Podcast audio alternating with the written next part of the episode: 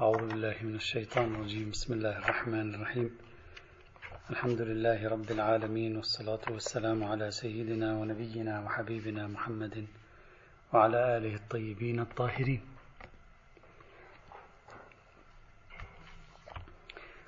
وصل بنا المطاف إلى النقطة الأخيرة من المباحث المتعلقة بالعصير العنبي. وكان كلامنا في تحليل هذا التشريع المتصل بهذا العصير وأنه تشريع تعبدي مستقل يتصل بشيء اسمه العصير العنبي المغلي بعيدا عن مفهوم آخر.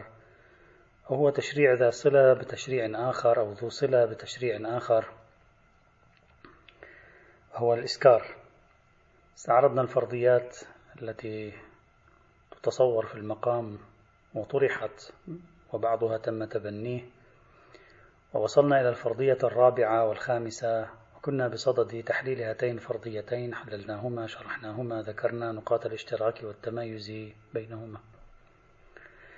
ثم قلنا لا بد أن نتوقف مع تعليقات وتقويمات تتصل بالفرضيتين وما يلحقهما ومن خلال ذلك يتبين موقفنا النهائي من هذا الموضوع. ذكرنا التعليق الأول حاصله أن ما طرحه السيد الشهيد في قضية ارتباط فكرة العصير العنبي في التراث الإسلامي بالإسكار صحيح بل ثمة زاوية إضافية في هذا الموضوع تتصل بالفقه الحنفي وهو نقل الخمر من مرحلة الخمرية إلى مرحلة المسكرية. في التعليق الثاني تحدثنا عن الاختلافات العجيبة الكثيرة ما بين أشكال شراب العنب وقلنا بأن هذا الاضطراب الواسع ربما يكون سببا في الاضطرابات الكبيرة الفقهية الموجودة في هذا الموضوع. وصلنا إلى التعليق الثالث. سأضعه تحت عنوان النزاع في الصدر الأول صور واحتمالات وأشكال. في التعليق الأول والثاني والثالث في هذه التعليقات أريد أن أؤكد على أنه بالفعل بالفعل الفضاء العام الإسلامي في قضية العصير العنبي هو فضاء إشكالية الإسكار. يعني كل هذه المعطيات التي تقدمت وسنذكرها اليوم كلها تصب في هذا الإطار.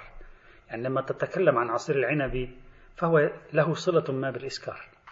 هل شكل هذه الصلة هو المحل تنازع بينهم؟ كان وجود جدل حول محللية النار للعصير الذي ثبتت له الحرمة قبل الطبخ هذا لا شك ولا ريب في وجود في, في تحققه. كما قلنا سابقا. مراجعة النصوص الفقهية والحديثية لأهل السنة يؤكد هذا الموضوع بوضوح. نحن مثلا نجد بوضوح فكرة النار لا تحل شيئا قد حرم. هذه موجودة بل هذه مروية عن ابن عباس أيضا. كذلك قصة عمر بن الخطاب وأهل الشام أيضا كلها تؤكد هذه الفكرة أن الطبخ يستخدم كمحلل لحرمة ثابتة من قبل.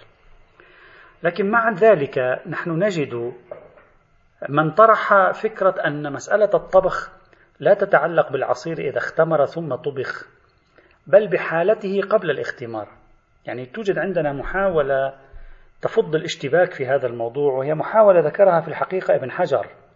ابن حجر العسقلاني قال موقف ابن عباس من أن النار لا تحلل ولا تحرم إنما يقصد منه مطلق يعني هو مطلق في حالة سبق الاختمار على الطبخ يعني لو اختمر العصير العنبي النيء. ثم أردنا الآن أن نطبخه فإن النار لا تحلل يعني بعد أن صار خمرا لا يمكن تحليله بالطبخ كما نحلله بالتخليل خلا هذا الذي رفضه ابن عباس. أما الآخرون الذين قالوا لا العصير العنبي المغلي حلال فهم قد قصدوا طبخ العصير قبل اختماره. يعني في الحقيقة محاولة ابن حجر هنا تريد أن تربك الموضوع أمام التحليل الذي قدمه السيد الصدر. لأن معنى محاولة السيد الصدر أن عمر حلل الخمر بالمعنى الأخص بالطبخ. فصارت حلالا. وأن نصوص أهل البيت ناظرة أيضا إلى هذا. فالخمر كما تحل بالتخليل تحل أيضا بالطبخ وذهاب الثلثين. والروايات المنقولة عن عمر تتعاضد كلها حول ترخيصه في المطبوخ شرط ذهاب الثلثين. وهي روايات بإمكان الإخوة أن يراجعوها. نقلها النسائي لنا بالتفصيل في كتاب السنن الكبرى في الجزء الثالث من صفحة 240 إلى 242 وهي تتحدث عن قرارات أصدرها عمر بن الخطاب لعماله ولأبي موسى الأشعري أن أنه يرخص في المطبوخ شرط ذهاب الثلثين وأن هذه العملية تؤدي إلى تحليل الخمر. نفسه يعني الذي كان قد اختمر بنفسه في من قبل. وهذه الروايات تشير التي ينقلها النسائي تشير إلى أن عمر بن الخطاب وافقه في هذا الرأي كل من الإمام علي وأبو الدرداء وأبو موسى الأشعري وغير ذلك من الصحابة. إذا النصوص التي يحدثنا عنها النسائي وكتب الحديث والتاريخ تشير إلى أن الفكرة كما طرحه السيد الصدر. شيء ما صار خمرا وأريد الآن أنا بالطبخ أن أحلله من الخمرية التي كان فيها بحيث يصبح حلالا خلاص يخرج عن الحرمة. فالكلام في أنه متى يخرج عن الحرمة بالنصف بالثلث أو بالثلثين. وأن عمر بن الخطاب كان يتكلم عن الثلثين وأنه وفقه بعض الصحابة كما جاء في السنن الكبرى. بينما ابن حجر يريد أن يقول لا القضية ليست كذلك. السائر الصحابة كانوا يتكلمون عن طبخ العصير الذي لم يعرضه الإسكار من قبل الطبخ. فقالوا هو حلال. بينما الذين حرموا قصدوا العصير الذي عرضه الإسكار قبل الطبخ هذا النار لا تحلله. ما معنى هذا الكلام؟ معناه أننا أمام احتمالات في دور الطبخ هنا. الدور الأول للطبخ تحويل الشراب من خمر بالمعنى الأخص إلى خمر بالمعنى الأعم. يعني عندي أنا عصير عنب اختمر بنفسه صار خمرا حقيقيا بالمعنى الأخص. الآن أنا بواسطة الطبخ بواسطة النار حولته من خمر بالمعنى الأخص إلى خمر بالمعنى الأعم يعني صار مسكرا. هذه النتيجة تنفع فقهاء الأحناف. وهي التي تفسر أن عمر بن الخطاب رخص في شرب الطلاء ثم بعد ذلك أقام الحد على السكر منه. إذا هذا أول دور للطبخ يمكن أن نلاحظه في النصوص التاريخية والحديثية. أنه يقوم بتحليل الخ... بنقل الخمر بالمعنى الأخص إلى صيرورتها خمرا بالمعنى الأعم وبالتالي الخروج عن حيز الخمرية إلى حيز المسكرية. هذا النوع من التحويل الذي يلعبه الطبخ وتلعبه النار ينفع الأحناف. الدور الثاني للطبخ أو الدور الثاني للنار. تحليل الخمر بنفسها مطلقا. ما الفرق بين الدور الأول والدور الثاني؟ في الدور الأول كنا نقول نحن بواسطة النار نخرج الخمر بالمعنى الأخص إلى أن تكون خمر بالمعنى الأعم. بينما في الدور الثاني الآن نحن نخرج الخمر عن أن تكون خمرا بالمعنى الأخص إلى أن تكون حلالا. يعني تخرج حتى عن مطلق المسكرية فضلا عن عنوان الخمرية بالمعنى الأخص. فنحن بالنار نرفع الإسكار الحاصل في العصير قبل الطبخ. كيف نرفعه؟ نرفعه بالطبخ نفسه. فدور الطبخ هنا يشابه دور التخليل يعني صيرورته خلا. وبالتالي ينقله من حيز الحرمة إلى حيز الحلية بينما هناك ينقله من حيز الحرمة بالمعنى الأخص إلى حيز المسكرية التي فيها نقاش حرام أو حلال بين الأحناف وغيرهم كما رأينا. والفرضية الثانية هذا أو هذه أو الدور الثاني هذا هو الذي طرحه الصدر وجاءت عليه الشواهد التي أشرنا إليها قبل قليل عند النسائي طيب. الدور الثالث للطبخ. هذا كله نجده في الفضاء التاريخي وفي الفضاء الحديثي. الدور الثالث للطبخ. أننا نقوم بطبخ العصير العنبي حتى نمنع عن صيرورته مسكرا. شوف لاحظ أنا ماذا ما هو هدفي من طبخ العصير؟ أنا عندي عصير عنبي. لماذا أطبخه على الثلث أو على النصف أو على الثلثين؟ لأنني عندما أطبخه على هذا المعيار وأتركه لا يعود يتسارع إليه الإسكار. العكس تماما من لاحظوا يعني ابتعدوا الآن عن فرضية شيخ الشريعة. الآن هنا فرضية أخرى. أنا عندي عصير عنبي ليس مختمرا ليس خمرا بالمعنى الأخص ولا هو خمر بالمعنى الأعم. أنا لماذا أقوم بغليه؟ في الحقيقة أنا أقوم بغليه لتحليله. ما معنى تحليله؟ هو ليس حرام. بمعنى أنني عندما أغليه على الثلث أو على الثلثين أو على النصف أن أخرج منه ثلثه أو أخرج منه الثلثين أو أخرج منه النصف؟ فإن الباقي لا يعود قابلا للإسكار. فأنا في الحقيقة أستخدم النار لسد الطريق على عروض الإسكار عليه. مجرد طبخه يعرضه للإسكار. لكنني أبلغ بالطبخ مرحلة لكي ألغي عنه الإسكار. فإذا الغليو يستخدم أيضا بشكل خاص لرفع خاصية الإسكار وإمكانية الإسكار في العصير. هذه الثلاث أشياء موجودة في التاريخ الإسلامي. يعني أنت تستطيع أن تجد هذه المفاهيم الثلاثة. يعني دور الطبخ في نقل الخمر بالمعنى الأخص لتصبح خمرا بالمعنى الأعم. دور الطبخ في نقل الخمر من الحرمة إلى أن تصبح حلالا مطلقا لا إسكار فيها. دور الطبخ في سد طريق الإسكار على هذا المتبقي بعد الطبخ. إذا في هذه العناصر الثلاثة الأدوار الثلاثة التي نجدها حاضرة في كتب الحديث في كتب التاريخ في كتب الفقه الإسلامي القديمة نجد أن النار أن الغليان أن الطبخ لم يذكرا بعنوانها لم تذكر هذه كلها بعنوانها بل ذكرت كطرق للإخراج من الخمرية إلى المسكرية العامة كطرق للإخراج من الحرمة إلى الحلية كطرق لسد الطريق على عروض الحرمة على العصير العنبي. لذلك مثلا لاحظوا ابن قدامة الحنبلي ماذا يقول؟ يقول وما طبخ من العصير والنبيذ قبل غليانه. ماذا يقصد من غليانه؟ يعني قبل أن يغلي بذاته. حتى صار غير مسكر كالدبس فهو مباح. ما معنى غير مسكر؟ يعني سلب منه خاصية الإسكار. لم يعد يمكن أن يسكر. ما طبخ من العصير والنبيذ قبل أن يغلي بنفسه حتى صار غير مسكر. ما معنى صار غير مسكر؟ كالدبس.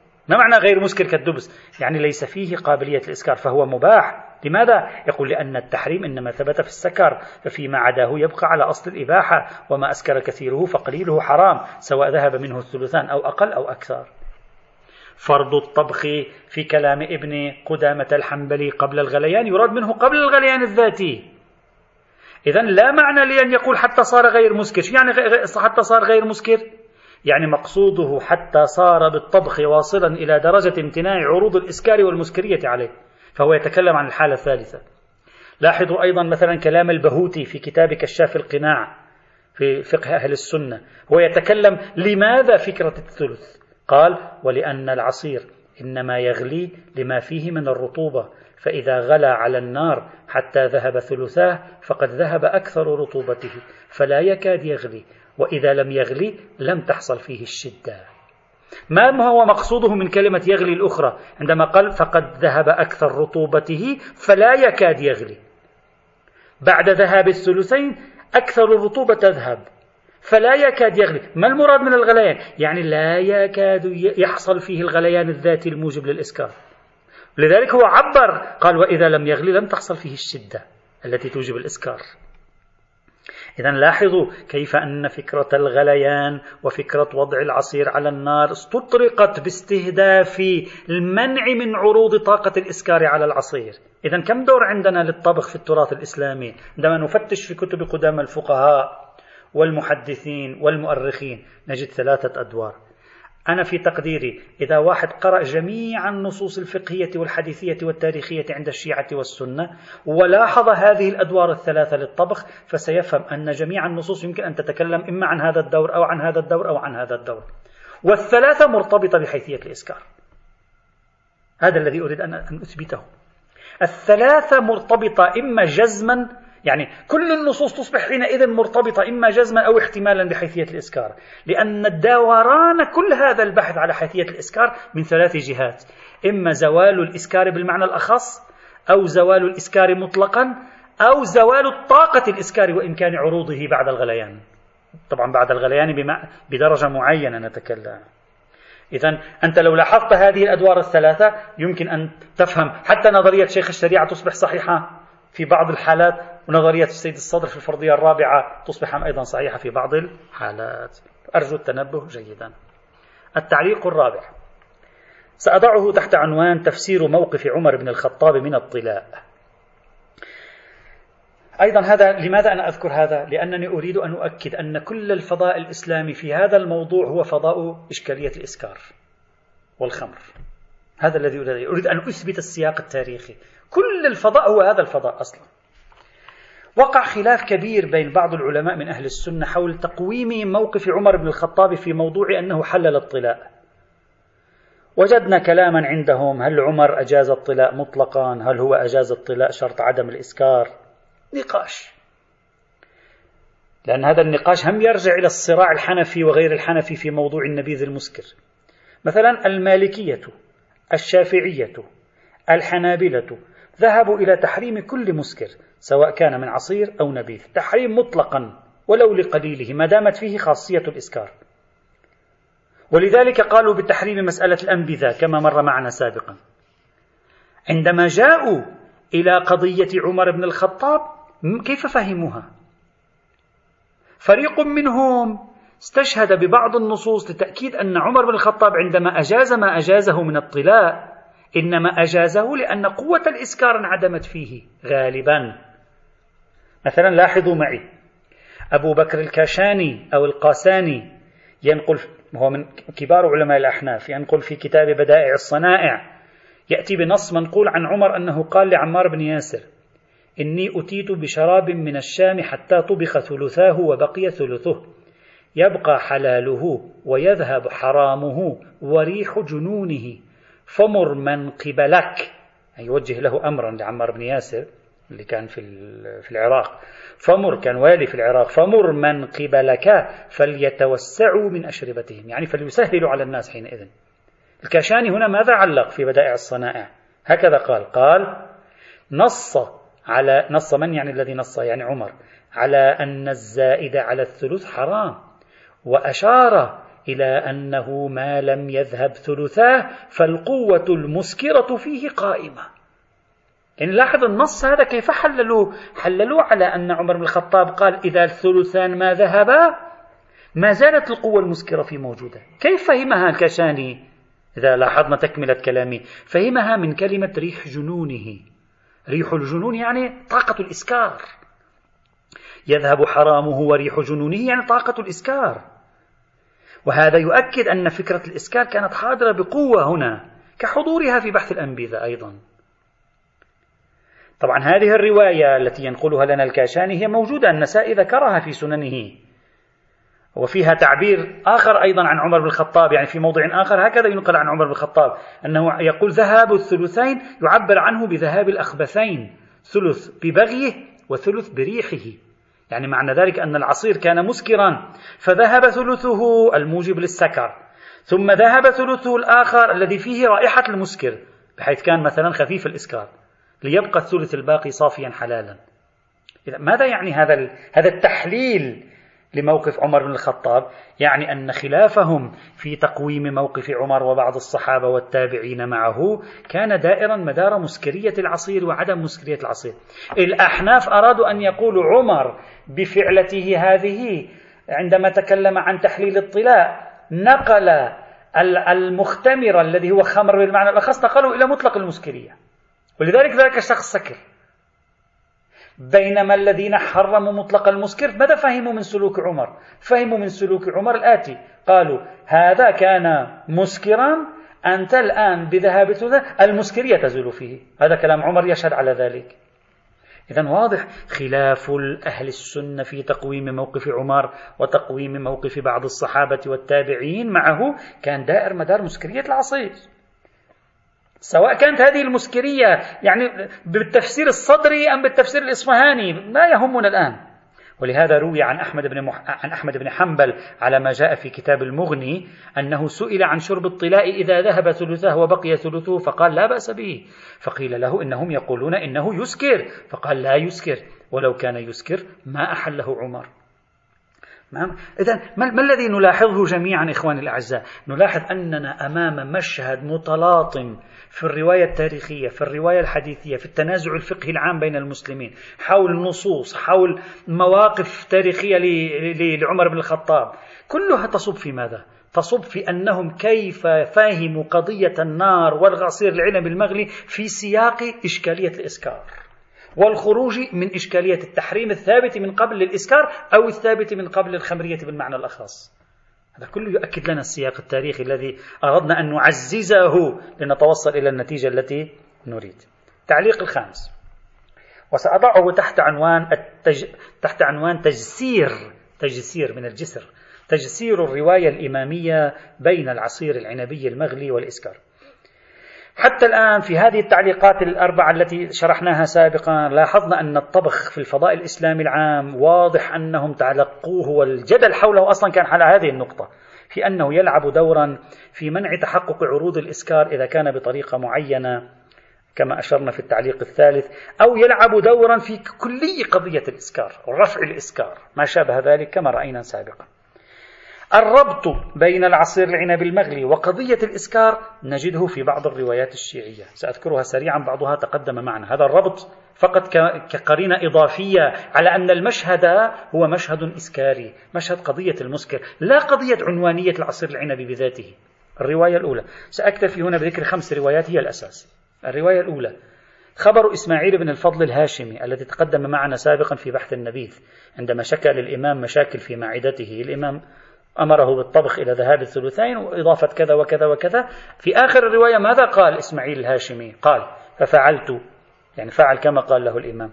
فذهب علي ما كنت أجده وهو شراب طيب لا يتغير إذا بقي إن شاء الله. الجملة الأخيرة هذه سواء كان قرأناها اعتبرناها من الإمام أم من إسماعيل أم من الكليني ما يهمني. ماذا تعطينا؟ تعطينا ربطا لهذا الموضوع بأن الشراب لم يعد يتغير. يعني هذا النوع من الطبخ أعطاه الإمام لكي ينفي إمكانية عروض الإسكار عليه. ولذلك يقر الراوي يقول نعم هو يصبح شراب طيب ولا يتغير إذا بقي. يعني إذا تركناه لوحده بعد لا يختمر. لا يصبح مسكرا أيضا بالمعنى الأعام. بينما ربما غيره يحتمل أن يكون كذلك. إذا لاحظ حتى الراوي حتى المعلق ذهنية الارتباطات هنا ما بين قضية المسكر والخمرية وبين قضية الطبخ بهذه الطريقة كان وإذن الطبخ على الثلثين شو الهدف منه؟ الطبخ على الثلثين الهدف منه رفع آه، كل إمكانات الإسكار في الحقيقة الموجودة فيه إمكانات الإسكار أو فعلية الإسكار التي التي وجدت فيه بمحض الطبخ أحيانا أو الإسكار الذي كان موجودا فيه قبل الطبخ. المهم أن الهدف من القضية هو رفع طاقة الإسكار رفع خاصية الإسكار في الموضوع. الرواية الثانية مش عنوان تعبدي. الرواية الثانية خبر عمر بن يزيد الذي ذكرناه في الحديث عن الفرضية الثانية واللي تكلم فيه عن الذي يهدى إليه البختج والتفصيل بين المهدي بين من يستحل المسكر ومن لا يستحل المسكر. ناقشنا سابقا اعتراضات السيد الصدر على هذه الرواية. قلنا ربط الموضوع باستحلال المسكر. جدا شاهد جيد على, المو... على الأمر هنا. يعني هذا يعزز بعد است... بعد أن استعرضنا مشهد الخلاف السني في القضية وأن الطبخ يلغي عنوان الخمرية إلى عنوان المسكر أو يلغي عنوان الخمرية والمسكرية إلى عنوان اللامسكر هذا كله يعزز هذه الفكرة. يستحل المسكر أو لا يستحل المسكر. إذا يستحل المسكر لا تأخذ منه. يعني إذا كان حنفي لا تأخذ منه لأن هذا الحنفي المهم عنده الخروج من الخمرية. حتى لو ذهب إلى المسكرية فلا تأخذ منه. بينما إذا كان غير حنفي المهم عنده ليس الخروج من الخمرية المهم عنده الخروج من المسكرية. فإذا أعطاك فخذ منه. أي معنى لهذا الربط إذا لم تكن القضية مرتبطة بالإسكار؟ إذا كانت قضية تعبدية مستقلة ما وجه الربط هنا في الجواب؟ هذا أيضا يشكل قرينة احتمالية جيدة. الرواية الثالثة معتبرة عن معاوية بن عمار التي تقدمت أيضا بالأمس وتكلمنا عن وجود تعبير الخمر فيها خمر لا تشربه في نسخة التهذيب. هذه الرواية صحيح قلنا لم يثبت ورود تعبير الخمر فيها كما تقدم عند مناقشة الفرضية الثانية إلا أننا قلنا هناك إذا تذكرون يظل وجود هذه الكلمة أمرا محتملا فتكون قرينة احتمالية ضعيفة هنا أيضا. الرواية الرابعة ما ورد في قصة تنازع إبليس مع آدم مثل خبر أبي الربيع الشامي اللي هو الخبر رقم اثنين من روايات العصر العنبي. هذه الرواية يسأله فيها عن الخامر وبدء الخمر وما شابه ذلك ويستخدم فيها تعبير النار وذهاب الثلثين. ما معنى هذا الكلام؟ معنى ذلك أن حظ الشيطان وين كان؟ كان في الثلثين وأن هذا الحظ مربوط بالخمر لأن الكلام كله عن الخمر كان. وأن الثلث الباقي خال من من حظ الشيطان يعني خال من الخمر والإسكار. أصلا السؤال عن الخمر السؤال عن بدء الخمر. وإذ بالإمام عندما يجيب عن قضية الخمر يربطه بقضية النار وقضية العصير وقضية الغليان وثلثين وثلث هذا ربط شديد بين مفهوم الثلث والثلثين وموضوع الخمر وبدء الخمر والإسكار وما شابه ذلك. أيضا هذا يعزز. الرواية الخامسة. خبر الفقه الرضوي المتقدم أيضا في روايات العصر العنبي تحت الرواية رقم عشرين. هناك إذا تراجعون قال أصل الخمر من الكرم إذا أصابته النار أو غلى بنفسه. ما معنى ذلك؟ يعني يتكلم عن الخمر أن الخمر إذا أصابته الخمر هو الكرم. الكرم إذا العنب يعني إذا أصابته النار أو غلى بنفسه. إذا هذا يتكلم عن أصل الخمر. إذا الخمر مربوط بإصابة النار. إذا لما يتكلم عن إصابة النار يعني خمر. وأنه لا يحل شربه إلا بذهاب ثلثيه. فإذا هو يتكلم عن أصل الخمر ثم يشير إلى قضية النار ويشير إلى قضية الثلثين. كل هذا يعطي ربطا بين مفهوم الخمر ومفهوم الثلثين. يعطي ربطا بين مفهوم المسكر ومفهوم الثلثين. وبناء عليه نقول هذه الروايات الخمس الواردة في المقام. إذا لم تكن تساعد على ما نريد طرحه من الربط بين مفهوم الإسكار والخمرية وبين قضية العصير العنبي وموضوع الطبخ على الثلث أو الثلثين وما شابه ذلك مثلا إلا أنها على الأقل تعطي هذا الاحتمال تعزز الاحتمال الفضائي هذا الذي نحاول أن نثبته في هذا المجال. وبالتالي يمكن أن تساعد في فهم سائر الروايات الواردة في المقام التي ليس فيها إشارة إلى الخمرية وإلى المسكرية. طيب. هذه التعليقات. الخمس التي أردت أن أذكرها على الفرضية الرابعة وهي ليست تعليقات نقدية هي تعليقات بالعكس. تريد أن تؤكد جوهر الفكرة التي قامت عليها الفرضية الرابعة والخامسة معا. بصرف النظر عن كيف اختلفت الفرضيتان مع بعضهما. جوهر الفكرة ما هو؟ ثمة ارتباط بين القضية التي نحن فيها الآن وهي العصير العنب المغلي موضوع الطبخ وموضوع النار وبين فكرة الخمر والمسكر. ليس هناك انفصال أحكام مستقلة عن بعضها. هذا الارتباط صار احتماله عاليا. نتيجة كل هذه الشواهد التاريخية السياقية نتيجة كل هذه الشواهد الحديثية والروائية الموجودة عند السنة وعند الشيعة معا. من مجموع هذه التعليقات التي ذكرناها شرحناها سابقا نتوصل إلى ما يليه. أولا إن فضاء الجدل الفقهي الإسلامي برمته مليء بالحديث عن العصير العنبي من زاوية المسكرية وعدمها. من عدة جهات. ليس فقط من الجهة التي طرحها السيد الصدر ولا من الجهة التي طرحها الأصفهاني. يعني ليس الصدر ولا الأصفهاني. هذا أولا. ثانيا هناك حوالي خمس روايات عن أهل البيت تشكل قرائن احتمالية تفيد الربط ما بين موضوع الخمر والمسكر وموضوع العصير العنب المغلي. ثالثا واقع الحال ونصوص الفقهاء بمذاهبهم تؤكد يعني حتى المعطيات الواقعية الخارجية ونصوص الفقهاء لما تكلموا عن الواقع الخارجي يؤكد أن الطبخ له دور في حصول سرعة الإسكار أو انعدام الإسكار في العصير المطبوخ. يعني هذا واضح من المعطيات الواقعية الخارجية. طب أنا إذا أخذت هذه ثلاث نتائج تحدث الآن أرجو التدقيق جيدا إخواني الأعزاء تحدث في النفس احتمالا حقيقيا هذا سميناه الشك الحقيقي. احتمالا حقيقيا في أن الروايات مفروغة أو مفروغ نظرها سؤالا وجوابا. لهذا الموضوع من زاوية حيثية الإسكار رفعا ووضعا وإمكانا. يعني رفع الإسكار مجيء الإسكار أو إمكانية الإسكار سلبا أو إيجابا. هذا ماذا يعني؟ هذا يعني أنا أمام مجموعة من الروايات تحرم العصير العنب المغلي؟ صار عندي احتمال حقيقي أن تكون هذه الروايات إما بعنوانها أصالة الموضوعية أو أصالة الطريقية أي بما هي طريق إلى قضية الإسكار سلبا أو إيجابا. صرت أنا الآن أمام احتمالين. وقد بنينا في مباحثنا في تاريخية الأحكام الشرعية وقررنا ذلك في درس الأصول هذا العام أيضا. قلنا لأنه في موارد الشك الحقيقي هذا السياق التاريخي الموجود هذه الروايات الخمسة الموجودة هذا الواقع العيني الخارجي الموجود يحتمل حينئذ أن يشكل قرينة متصلة لبية توجب الإجمال. وهذا ما يفرض علينا الأخذ بالقدر المتيقن. بعد أن قلنا بأن أصالة الموضوعية في العناوين الواردة في ألسنة النصوص منفية في موارد الشك الحقيقي وعليه ينبغي أن نحكم ونقول العصير العنبي المطبوخ المسكر ولو إسكارا خفيفا هو الحرام وغيره ليس بحرام. ولا يوجد حكم شرعي آخر مستقل عصير العنب المطبوخ حرام حتى لو قطعنا مئة بالمئة أنه ليس فيه أدنى خواص الإسكار. هذه النتيجة. هذا نتكلم الآن على مستوى الحكم الشرعي الأصلي. بعدين نجي موضوع الحكم الشرعي التحفظ الاحتياطي الذي طرحه شيخ الشريعة. هذه النتيجة الأولى التي نخلص إليها على مبانينا فيما يتعلق بأصالة الموضوعية واحتمالية التاريخية والقدر المتيقن وما شابه ذلك. بعد أن قررنا كل هذا السياق الذي مر معنا. الآن بقيت عندنا نقطتين ثلاثة نختم بها هذا الملف. النقطة الأولى هل يمكن للإجماع الإمامي تعديل النتيجة التي توصلنا إليها. ما هي النتيجة؟ يعني ربط العصير العنبي بقضية الإسكار ما عادش عندي شيء اسمه عصير عنبي مطبوخ حرام بعنوانه. عندي شيء اسمه حرمة المسكر. العصير العنبي المطبوخ إنما حرم لأنه مسكر فقط. إذا لم يعد مسكر خلاص انتهت الحرمة فيه. وفكرة الثلثين ليست إلا طريق لرفع الإسكار فيه لا أكثر ولا أقل أو لرفع إمكانية الإسكار فيه. السؤال هنا هل يستطيع الإجماع أن يلزمني بالاحتياط في هذه المسألة كما فعل السيد السطر وألزمه.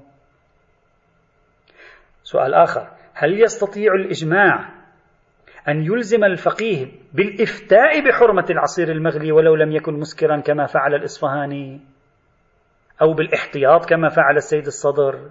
هذا هو السؤال. لا شك هنا أن التحقق من انعقاد إجماع محصل على الحرمة المطلقة للعصير العنبي عند الإمامية بعنوانه يبدو صعب للغاية. تحصيل إجماع محصل أن جميع الإمامية قالوا بالحرمة المطلقة العنوانية للعصير العنبي المطبوخ بصرف النظر عن الإسكار تحصيله في غاية الصعوبة. وربما لذلك أصلا لم يدعي السيد الصدر الاستناد هنا إلى الإجماع يعني مش الإجماع هو الذي وقف مانعا أمامه ولا أمام شيخ الشريعة. بل غاية ما ذكره الشهيد الصدر هو إجماع منقول. وفي الحقيقة هذا الإجماع المنقول من أين أتى به؟ أتى به من كلمات المحقق الحلي المتوفى سنة 676 للهجرة وذلك في كتابه المعتبر عند تعرضه لبحث العصير العنبي في مبحث النجاسات ماذا قال المحقق الحلي؟ محق الحل قال وفي نجاسة العصير بغليانه قبل اشتداده تردد يعني قبل أن يشتد ويصبح مسكر هل هو نجس أو لا يقول فيه تردد أما التحريم يعني هل هو حرام أو لا؟ فعليه إجماع فقهائنا. ثم منهم من أتبع التحريم النجاسة. يعني إجماع الفقهاء على حرمته. قبل الاشتداد ها يعني قبل أن يصبح مسكر. إجماعهم على حرمته. بعضهم جعل النجاسة أيضا هنا موجودة. بعضهم لم يقبل بالنجاسة. لذلك هو يقول تردد. إذا دعواه الإجماع على التحريم مقابل النجاسة مع أنه حتى النجاسة هم أيضا كثيرون قالوا فيها بالثبوت. هذا يفيد أن الإجماع قوي للغاية في هذه المسألة. هذا هو الإجماع الذي منع الشهيد الصدر أن يفتي في القضية. وإلا لولا هذا الإجماع للسيد الشيصار كان أفتى بالذي توصلنا إليه. و آه، وهو ربط القضية بالإسكار. ليس له عنوانية خاصة. هذا هو الإجماع. إجماع منقول من المحقق الحلي في هذه المسألة. هذا الإجماع المدعى قد يناقش. أولا أولا هو إجماع منقول والإجماع المنقول معروف حاله. لا يقولون بحجيته متأخر المتأخرين لا يقولون بحجيته. شهيد الصدر لم يقبل بهذه المناقشة. ماذا قال؟ قال الإجماع المنقول في بعض الأحيان يوجب ثبوت المطلب إذا انضمت إليه قرائن. طيب جميل. ما هي القرائن هنا مولانا؟ يقول القرائن هنا الناقل. من هو ناقل هذا الإجماع؟ ناقل هذا الإجماع هو المحقق الحلي. المعروف بسعة اطلاعه بوضوح عبارته بظهور كلامه هنا أنه ليس في مقام المسامحة. واضح من خلال تركيبة الكلام ليس في مقام المسامحة. نضيف إليه أننا لم نجد فقيها قبل المحقق الحلي يرى الحرمة مقيدة بالإسكار. هذا يعزز كلامه. إذا هذا إجماع قوي. الحق أنه ينبغي أن نتوقف عنده. هذا كلام السيد الشهيد في رد الإشكالية الأولى التي تواجه هذا الإجماع. لكن يمكنني هنا أن أعلق. ما ذكره السيد الشهيد مفتقر إلى بعض التتبع التاريخي في ظني. توجد عندنا معطيات. لا أريد أن أقول أجزم من خلالها لكن تربك هذه الصورة التي قدمها لنا الشهيد الصدر. تربك الجزم أو الوثوق بهذا الوضوح في الموروث الإمامي. مثلا بعضهم بل لعله المشهور حكموا بأن شارب العصير العنبي يحد حد الشارب شارب الخمر مع أننا لا نملك أي رواية على ثبوت الحد عليه. بعنوانه ما عندنا رواية تقول شارب العصير العنبي المغلي يقام عليه الحد فكيف أفتوا بحده لا معنى لذلك إلا أنهم فهموا منه أنه مرتبط بشرب المسكر. هذا هو. يعني إذا كان هذا ليس مسكرا إطلاقا كيف يعقل أن يكونوا قد حكموا بالحد؟ إلا إذا شخص قال إنهم حكموا بالحد هنا من التنزيل الوارد في رواية التهذيب خمر لا تشربه. ممكن فهموا إطلاق التنزيل وبالتالي عمموه لباب الحد. محتمل. محتمل. أو ربما شخص يناقش يقول الذين قالوا بحد شارب العصير العنبي قليل منهم قبل المحقق الحلي. محتمل جيد. لكن لا بأس حتى الذين بعد المحقق الحلي. معنى ذلك أن هذه الفكرة بدأت تزدهر بقوة بعد المحقق الحلي لإيجاد تحول فقهي في هذا الموضوع. لا بأس. هذه معطى. يمكن أن يربي كما يطرحه الشيخ الصدر. معطى آخر. دعونا نلاحظ عبارة أخرى للشيخ الطوسي في كتاب المبسوط. الشيخ الطوسي في المبسوط هكذا يقول الشراب ضربان خمر وغير خمر فالخمر عصير العنب. الذي لم تمسه النار ولا خالطه ماء وهو إذا اشتد وأسكر إلى آخره. ثم يقول وأما غيرها من المسكرات وهو ما عمل من تمر أو زبيب أو عسل أو ذرة. طيب جملته يريد أن يعطي قاعدة في جملته كل ما مسته النار. أو طرح فيها ماء فإذا اشتد وأسكر فإن شرب منه حتى يسكر ردت شهادته بلا خلاف. فأما ما لا يسكر من الأشربة وهو عصير العنب قبل أن يشتد وكذلك ما عمل من تمر وغيره قبل أن يسكر فكله حلال. لاحظ أنت هذا النص أصلا لم يميز العصير العنب المغلي بالنار عن غيره. أصلا ما, ما, ما فصل عن جعل المدار هو المسكرية. أولا في البداية قال خمر. عصير العنب الذي لم تمسه النار ولا خلطه ماء هذاك الخمر. ثم قال المسكرات. جملة جملته كل ما مسته النار. هو يتكلم عن الشراب. خمر وغير خمر. الخمر والمسكرات. خمر المسكرات ثم بعدين قال وأما ما لا يسكر فهو حلال. أين العصير العنب المغلي هنا؟ الذي هو عصير عنب مغلي حرام وليس بمسكر. لا وجود له في كلام الشيخ الطوسي. يعني هذا يعطيني إيحاء قويا أن الشيخ الطوسي أدرج العصير العنب المغلي أين؟ في باب المسكرات. لا أقل يوحي لا أريد أن أقول ظهور قوي. يوحي يربك ذلك الإجماع الذي يدعيه المحقق الحلي. كلام ثالث لابن إدريس الحلي وهو أيضا قبل المحقق. قال في السرائر فأما بيان الأشربة المسكرة وأنواعها فالخمر مجمع على تحريمها وهو عصير العنب النيء الذي اشتد وأسكر إلى أن يقول وأما ما عداها من الأشربة وهو ما عمل من العنب فمسه طبخ أو من غير العنب مسه طبخ أو لم يمسه وكل شراب أسكر كثيره فقليله حرام وكل هذا عند أهل البيت خمر حرام نجس يحد شاربه سكر أو لم يسكر. لاحظ؟ يعني في الجملة الأخيرة جميلة. يقول ما عمل من العنب فمسه طبخ ثم يعلن ويقول وكل هذا عند أهل البيت خمر حرام نجس يحد شاربه. ما معنى؟ سكر سكر أو لم يسكر. يعني هذا خمر هذا مسكر. إلا إذا قلنا هو يعمل على التنزيل. إلا إذا قلنا يعمل على التنزيل. لاحظ هذه العبارة. أيضا تحتمل بقوة أنه مركوز في الذهن ارتباط القضية بالخمرية وأن أهل البيت اعتبروا هذا كله خمر وأقاموا الحد عليه. لاحظ حد الشارب. هذا وهذا قبل المحقق الحلي. وهذا قبل المحقق الحلي. إقامة الحد عليه قبل المحقق الحلي. وما موجب إقامة الحد عليه إلا تقول لي تلك الرواية الوحيدة للتهذيب التي عبرت بكلمة خمر ويحتاج إلى دليل. أيضا أضف إلى ذلك الشيخ الصدوق رحمه الله في كتاب من لا يحضره الفقيه في رسالته في رسالة والده هو ينقل عن رسالة والده. ينقل نفس النص النص الفقه الرضوي. اللي قلنا أنه من أحد شواهدنا على ربط مسألة العصير العنبي المغلي بالمسكر. إذا هذا يعطي إيحاء بأن الشيخ الصدوق الأول يربط العصير العنبي المغلي بالنار بالخمرية والمسكرية.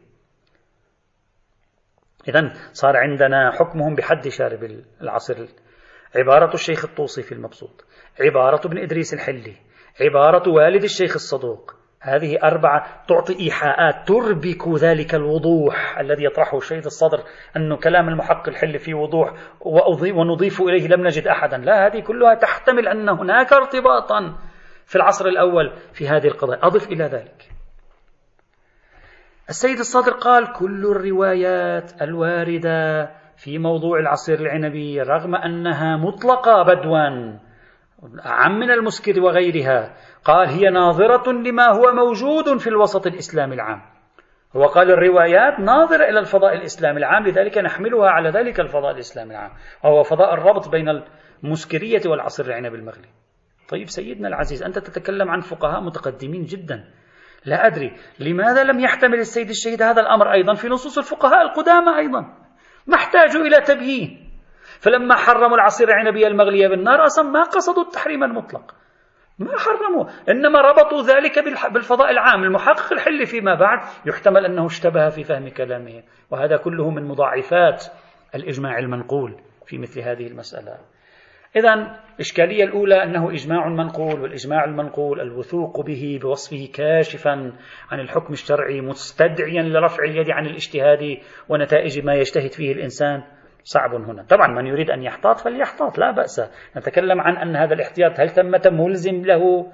هل ثمة موجب موضوعي له؟ لا. حسن لا بأس. حسن ما نناقش في ذلك فعلا. هذا أولا. الإشكال الأول على آه، الأخذ بالإجماع هنا. ثانيا لو فرضنا أن هذا الإجماع محقق. لكن واضح أنه مدركي لا أقل محتمل المدركية. أصلا قوة احتمال استنادهم إلى إطلاقات هذه الروايات يمكن أن يكون هو منشأ هذا الإجماع. فهموا منها الإطلاق. إذا ما دام مدركيا أو محتمل المدركية جدا لا قيمة لهذا الإجماع حتى لو كان محصنا. السيد الشهيد الصدر هنا قال لا إجماعهم هذا شاهد على أنهم أخذوه من السلف من أصحاب الأئمة. وأن قضية كانت قضية واضحة. لو كان الحكم هو عدم الحرمة إلا إذا كان مسكرا لظهر وبان لا سيما مع مطابقته لأهل السنة. لا أدري أنا أشوف هذا الكلام من السيد الشهيد غير قل لعل أصحاب الأئمة هم كانوا منقسمين في هذه القضية وما أكثر الأشياء التي كانوا منقسمين فيها. ولعلهم كانوا أيضا هم منقسمين في هذا الموضوع. ثم بعد ذلك بعد مجيء عصر بعد الغيبة الصغرى انتصر فريق على فريق رجحت كفة الذين التزموا بالتحريم المطلق. بل من الممكن وقوع إجماع على شيء وهو الحلية مثلا في عصر النص ثم تحوله إلى إجماع معارض تماما بعد عصر الغيبة. وكم له نظير؟ بل من الممكن أن لا يكون هناك إجماع حقيقي بعد عصر النص كما هي طريقة مدعي الإجماع. أصلا كيف أعرف أنه يمكن صغار الفقهاء لم ينقل قولهم في هذه المسألة؟ أساسا إخواني الأعزاء أساسا هل لدينا نص واضح قبل الشيخ الطوسي يعلن حرمة العصير العنب المطبوخ مطلقا ما لم يذهب ثلثاه أين هذا النص؟ لعل هذا الإجماع جاء من الشيخ الطوسي فما بعد وبالتالي كان مدركيا وغير كاشف عن أن الطبقات السابقة من الفقهاء فضلا عن معاصري أهل البيت عليهم السلام كانوا على وفق هذا الإجماع. لعل هذا الإجماع, هذا الإجماع منشأه الشيخ الطوسي. هو هكذا استظهر القضية ثم بعد ذلك توافقوا عليه. وإن كان كما قلنا بعض عبارات الشيخ الطوسي هم لا تؤيد هذه لكن بعض عبارات الأخرى واضحة في الإطلاق. وعلى أي حال احتمال المدركية في تقديري وارد جدا خاصة إذا أحرزنا انعقاد إجماع بعد الطوسي وعدم إحراز انعقاد إجماع قبله. هذا ثانيا. ثالثا في مناقشة الإجماع. إن كتاب الانتصار للسيد المرتضى لم يذكر مسألة العصير العنب المطبوخ كمسألة خلافية بين الشيعة وغيرهم ولم يضعها في متفردات الإمامية مع أنه من طبيعته يذكر متفردات الإمامية في هذا الكتاب. بينما مسألة الفقاع وضعها في متفردات الإمامية وهذا يدل على أن الإمامية ليس لهم شيء هنا متفرد تفردوا به عن فقه المذاهب السنية الأخرى. يعني ليس عندهم شيء في هذا. سيد الشهيد لم يقبل بهذه ذكر معالجة لا داعي للإطالة فيها. يمكنني أن أطور هذا الإشكال بحيث يتجاوز المعالجة التي ذكرها ونخرج حتى من من السيد المرتضى. أصلا دعك من السيد المرتضى. أصلا نسأل سؤالا. الشيعة عقدوا فصلا مهما ومستقلا لمسألة الفقاع كتبوا رسائل مستقلة في مسألة الفقاع ذكر كتبت مرتضى والطوسي وغيرهم رسائل مستقلة في مسألة الفقاع وقد وجدناهم يبرزون هذا الخلاف في كتب الفقه المقارن ويفردون رسائل مستقلة للفقاع في مقابل سائر المذاهب. وهذا واضح في مسألة الفقاع العجب كل العجب. لماذا في مسألة العصر العنبي المغربي رغم أنها أكثر ابتلاء وشهرة لم نجد أنهم هبوا لكي يفردوا رسائل مستقلة في كتب الفقه المقارن أو مصنفات مفردة لوحدها في هذا الموضوع. إذا كانوا هم خارج السياق الإسلامي يعلنون تحريما تعبديا مستقلا خارج عن كل سياق الفقهاء المسلمين. لماذا؟ وهذا أيضا يربك ادعاء الإجماع في المسألة. يربك القضية. وعليه دعوى الإجماع المنقول في كلام المحقق الحلي في رأيي لا يصلح أن يلزم الفقيه بالإفتاء. أو حتى أن يلزمه بالإحتياط بحيث يكون احتياطا حقيقيا لا احتياطا صوريا إذا كان قد توصل مسبقا إلى عدم وجود إطلاقات محرزة في النصوص كما هو الصحيح. النقطة الأخيرة التي أختم بها موضوع العصير العنبي هل فكرة المحقق شيخ الشريعة الإصفهاني في موضوع الحكم التحفظي هنا الحكم التعبدي حماية للحمى صحيحة أو لا؟ طبعا هذه الفكرة متى تأتي؟ تأتي إذا قبلنا بوجود إطلاقات. إذا شخص قال في إطلاقات فيفسر الإطلاقات على أنها حماية للحمى أو حماية للحمى وحكما تعب وحكم تعبدي.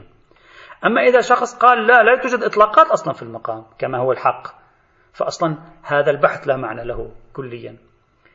هل كلام بشكل عام هل طريقة معالجة شيخ الشريعة للموضوع صحيحة أو لا؟ فكرة الحكم التعبدي التحفظي هنا فيما يتعلق بكلية البحث حول حماية الحمى أو سد الطرق أو الحكم التحفظي كما سميناه لا نريد أن نبحثه هنا.